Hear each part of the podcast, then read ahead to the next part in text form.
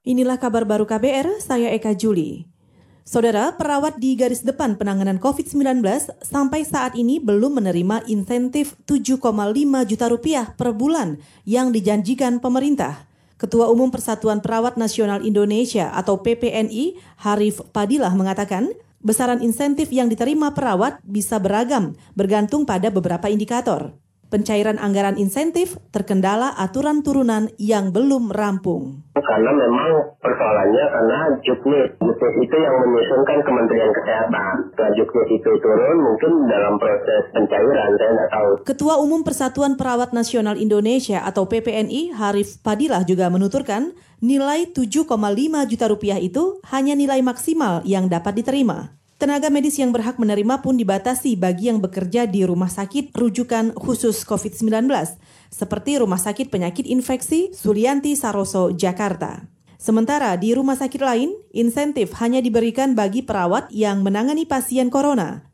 Harif Fadilah mendorong rumah sakit swasta yang ikut menangani pasien meski tidak dirujuk untuk mengusulkan insentif yang sama dari pemerintah. Yayasan Lembaga Bantuan Hukum Indonesia atau YLBHI menerima ribuan aduan mengenai pembayaran tunjangan hari raya dari para buruh.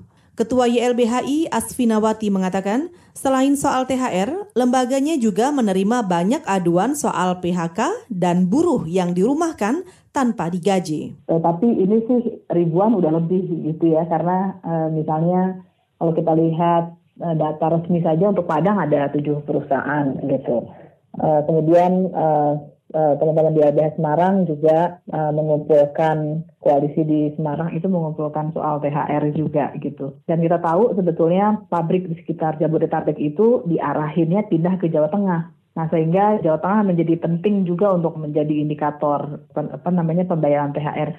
Ketua YLBHI Asfinawati menambahkan, Surat edaran dari Menteri Tenaga Kerja menjadi bentuk pelepasan tanggung jawab pemerintah bagi para pekerja yakni membiarkan pengusaha dan buruh berdialog tanpa campur tangan pemerintah.